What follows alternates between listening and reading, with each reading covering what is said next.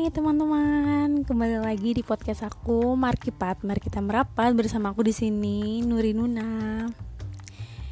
Ya, sekarang hari Jumat ya teman-teman Di tanggal 4 Desember 2020 Tadi di episode 5 Nuri membahas tentang ikan cupang Terinspirasi dari pacar Nuri yang lagi demen-demennya sama ikan cupang Jadi doi lagi pelihara ya.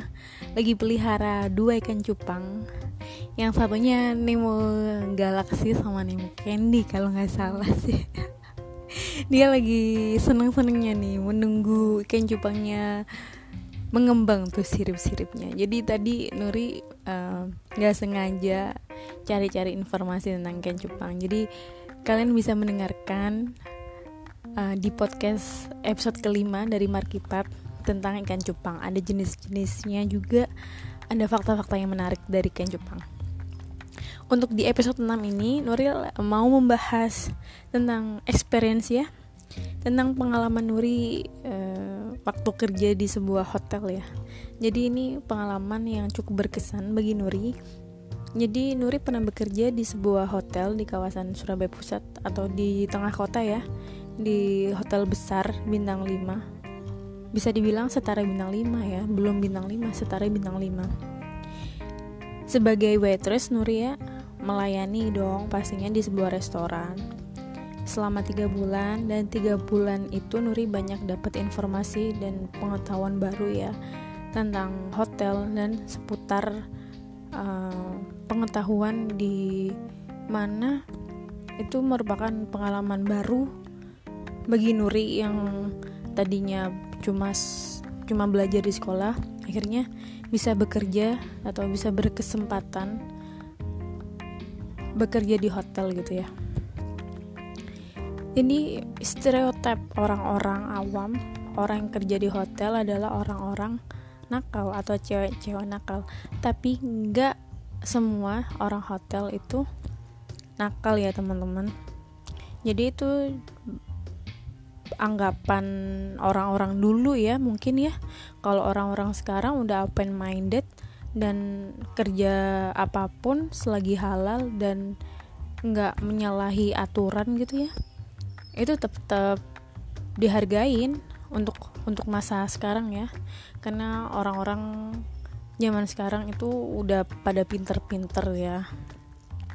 Dan meninggalkan stereotip-stereotip yang jelek-jelek yang menurut uh, menurut pemikiran mereka itu nggak bener gitu. Jadi di sini hotel itu ya faktanya uh, mereka adalah menjual jasa atau offering ya offering produk atas hotel apalagi di bagian marketing dan front office. Jadi harus pintar-pintar menawarkan hotel di banyak-banyak perusahaan ya yang mau bekerja sama sama pihak hotel sendiri. Yang susah sih pihak marketing ya karena di Indonesia hotel udah ratusan dan harus bersaing ya untuk mendapatkan tamu secara banyak gitu ya. Biasanya hotel bekerja sama dengan Airlines ya.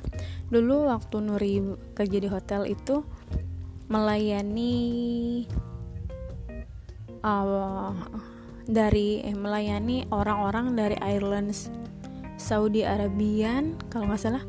Kalau nggak Chinese Airlines itu udah merupakan apa ya guest tetap ya. Guest yang sering uh, tinggal di hotel tersebut. Jadi first impression guest to staff itu ya uh, pelayanannya ya dari telepon atau via online nih. Kalau ramah tuh pasti first impressionnya nih hotel baik nih. Ramah nih mbaknya ditanyain ini itu nggak ada nada marah atau nggak ada intonasi yang tinggi? Gitu. Kalau udah masuk ke hotel first impressionnya pasti ke pelayanannya ya dari satpam yang buka pintu bellboy bisa jadi yang mengantarkan escort ke reception sampai ke resepsinya di sini reception reception itu menurut guys ya bilangnya reception. Tapi dari bahasa hotel sendiri itu termasuk front office ya. Jadi di bagian front office atau orang staffnya yang menjaga front office pastinya harus ramah dan semua orang yang ada di front office tuh pastinya cantik dan ganteng ya cantik dan ganteng. Itu merupakan image hotel. Karena first impression guest itu pasti ke front office. Dilihat ini hotel memang bagus gitu. Karena mereka mempunyai staff yang cantik cantik tinggi semampai cakep juga tinggi semampai. Jadi itu adalah hal yang penting bagi hotel. Smiling and humble ya ramah sama guest. Jam kerja di hotel juga ada shift-shiftan ya ada tiga shift. Ada shift pagi itu jam 6 sampai jam 3 jam 3 satu jam loyalitas ya harusnya pulang jam 2 tapi satu jam loyalitas pulang jam 3 shift siang ada di jam 12 atau jam 1 sampai jam 10 malam ini jam 9 malam loyalitas satu jam. Dan di shift malam itu ada di mana? Di front office ada di bagian kitchen ada di bagian restoran juga ada. Kadang ada orang yang pesan makanan tengah malam nah itu butuh tuh staff-staff itu. Jadi Eh, nggak uh, cuma dua shift ternyata hotel ada tiga shift. Karena memang memang harus 24 jam ya ready untuk um, tamu. Ada lagi nih. Karena Nuri kerjanya di restoran ya jadi fakta menarik sebuah atau fakta menarik sebagai ya sebagai waitress itu Nuri diharuskan menghafal menu-menu yang ada di restoran. Dari appetizer sampai dessert. Jadi harus tahu banget hafal dan mesti tahu uh, sedikit enggaknya rasanya. Waktu itu Nuri disuruh mencoba nih ada banyak saus di sana ada banyak hmm, apa ya oil oil di sana ya kayak makanan appetizer ya kayak salad itu banyak banget macamnya salad dan Nuri harus hafal itu macamnya salad. Jadi waktu itu Nuri uh, bikin note kecil ya. Jadi appetizer apa main course apa dan dessert apa. Kalau di hotel yang Nuri magang tuh hotelnya gede dan buffet service-nya itu udah top banget. Pada saat itu buffet service dikenakan rate 200 ribu net per orang ya per pack. Jadi bener-bener menunya itu nggak ada yang kampungan. Dan enak-enak semua. Jadi recommended banget. Recommended banget untuk tinggal atau bermalam atau stay lah atau bulan madu di sana. Bener-bener Nuri memimpikan ya bisa bulan madu di sana atau stay di sana sehari atau dua hari. Aduh. Pokoknya ini hotel bener-bener cakep banget jadi Nuri waktu kerja di sana karena saking apa ya saking interestnya sama hotel itu jadi Nuri mm, dengan senang hati kerja di sana. Berangkat pagi pulang ma pulang sore atau berangkat siang pulang malam itu selalu menyenangkan karena melayani itu kayak udah jiwa Nuri sih untuk melayani seseorang gitu ya jadi di sana meskipun susah menghafal dan susah uh, untuk ngomong bahasa Inggris kalau udah berhadapan sama bule tapi Nuri tuh bawahnya seneng aja kerja di hotel. Iya banyak makanan ketemu orang-orang baru gitu ya. Ketemu tamu-tamu yang tiap hari ganti jadi di sana staff juga diharuskan bisa bahasa Inggris. Setidaknya bisa percakapan untuk menawarkan guest produk gitu ya. Apalagi di bagian front office yang harus fluent bahasa Inggris. Karena banyak guest juga uh, dari luar negeri kan harus bisa cakap bahasa Inggris dengan baik dan benar kalau nggak gitu ya harus tahu basicnya lah bagi yang housekeeping yang nggak pernah kontak langsung dengan guest atau cuma mem mempersilahkan atau minta izin untuk membersihkan kamar itu pun percakapan cuma satu kali dua kali aja. Itu harus punya basic sih. Harus mengerti gitu ya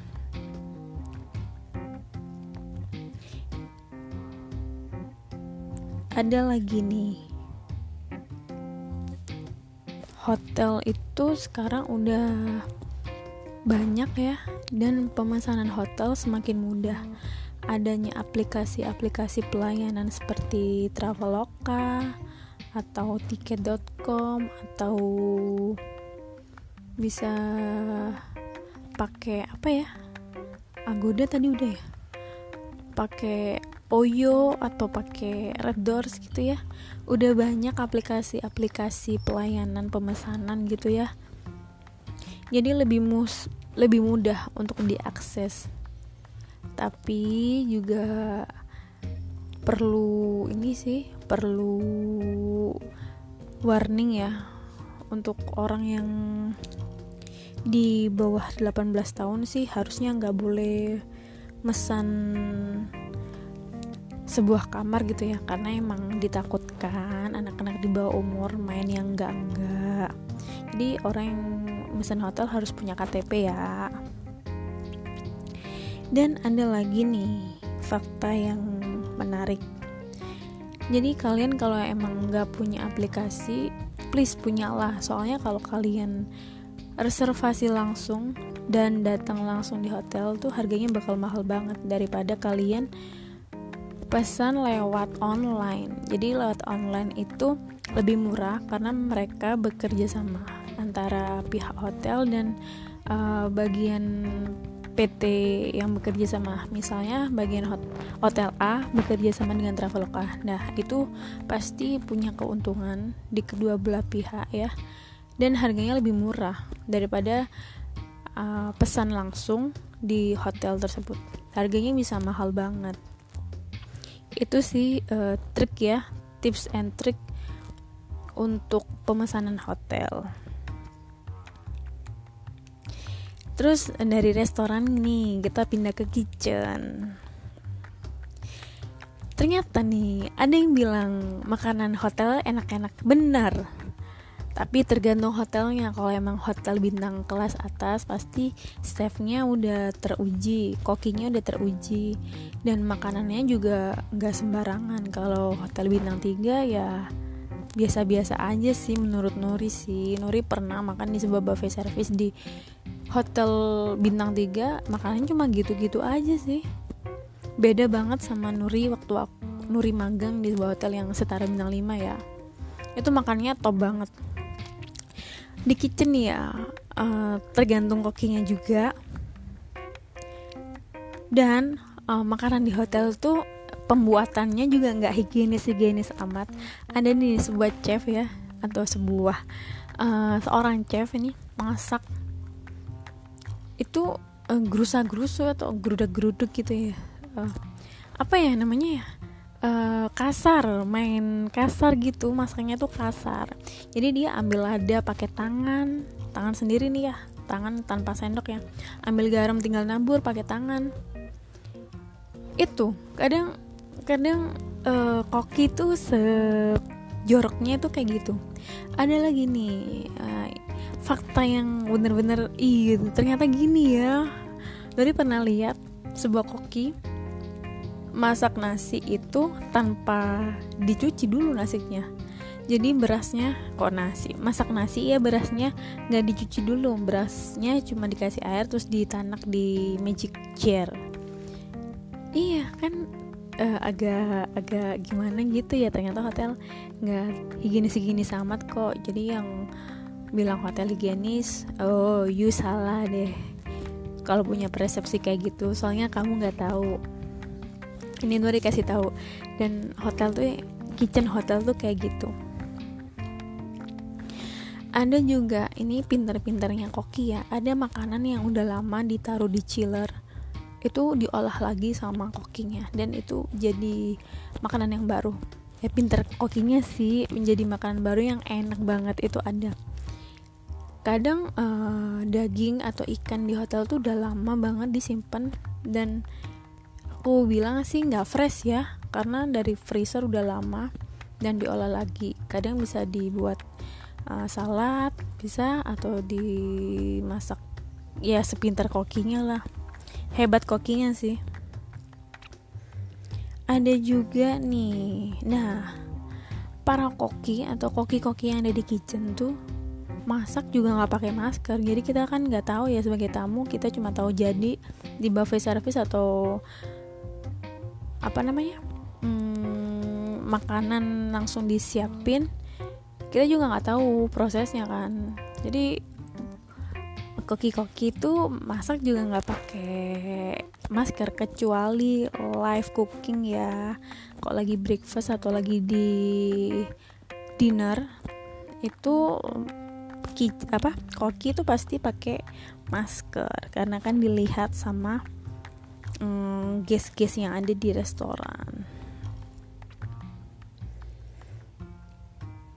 Dan you know uh, ini interest banget ya. Ini hal yang lucu menurut Nuri sih. Jadi orang yang ada di kitchen atau para koki-koki itu ya koki-koki tersebut itu ternyata cerewet banget kalau udah di kitchen asli sumpah itu banyak omong banget banget banget banget. Dari gosipin cewek dari dari ngomongin hal porno dari goda godain para waitress atau orang yang lewat sana. Aduh sumpah koki kan banyak yang cowok ya. Jadi mereka tuh nggak kalah rumpi sama cewek-cewek serius nih ternyata kayak gitu. Uh, para koki di hotel hotel itu ya. Nggak di tempat Nuri magang doang. Di semua hotel kayak gitu. Ini ada interest informasi juga interest informasi. Uh, fakta menarik ya. Jadi makanan kalau abis breakfast itu kita clear up dan makanan itu bisa dijadiin ntar di menu lunch dan dinner. Tapi terkadang makanan yang se sesuai dengan lunch ya ditaruh di lunch gitu. Tapi kalau udah makanan udah nggak layak mereka nggak segan untuk membuang makanan itu. Meskipun masih enak ya dilihat ya. Nuri tuh kadang ngerasa ini makanan masih enak kenapa dibuang ya? Jadi ngerasa nyaman sendiri sih. Maksudnya kok nyaman? Ngerasa sayang sendiri ini makanan nggak apa-apa kenapa dibuang? Kayak gitu. Kadang juga ada restoran yang yang abis breakfast makanan dikasihkan ke kantin kantin yang ada di hotel. Jadi keuntungannya kerja di hotel kalau hotel bintang gede ya bintang 5 gitu. Kita disediain uh, makan siang. Dan itu nggak dibayar speser pun sih. Kita nggak membayar speser pun atas makan makanan tersebut. Jadi keuntungan kerja di hotel itu kayak gitu. Sebenarnya sih banyak banget ya uh, pengalaman menarik atau informasi yang menarik yang Nuri dapatkan di hotel yang Nuri pengen banget share ke kalian. Ntar deh di episode selanjutnya Nuri bakal membahas tentang front office dan housekeeping. Untuk kali ini uh, sekian dulu. Terima kasih telah mendengarkan podcast Markipat.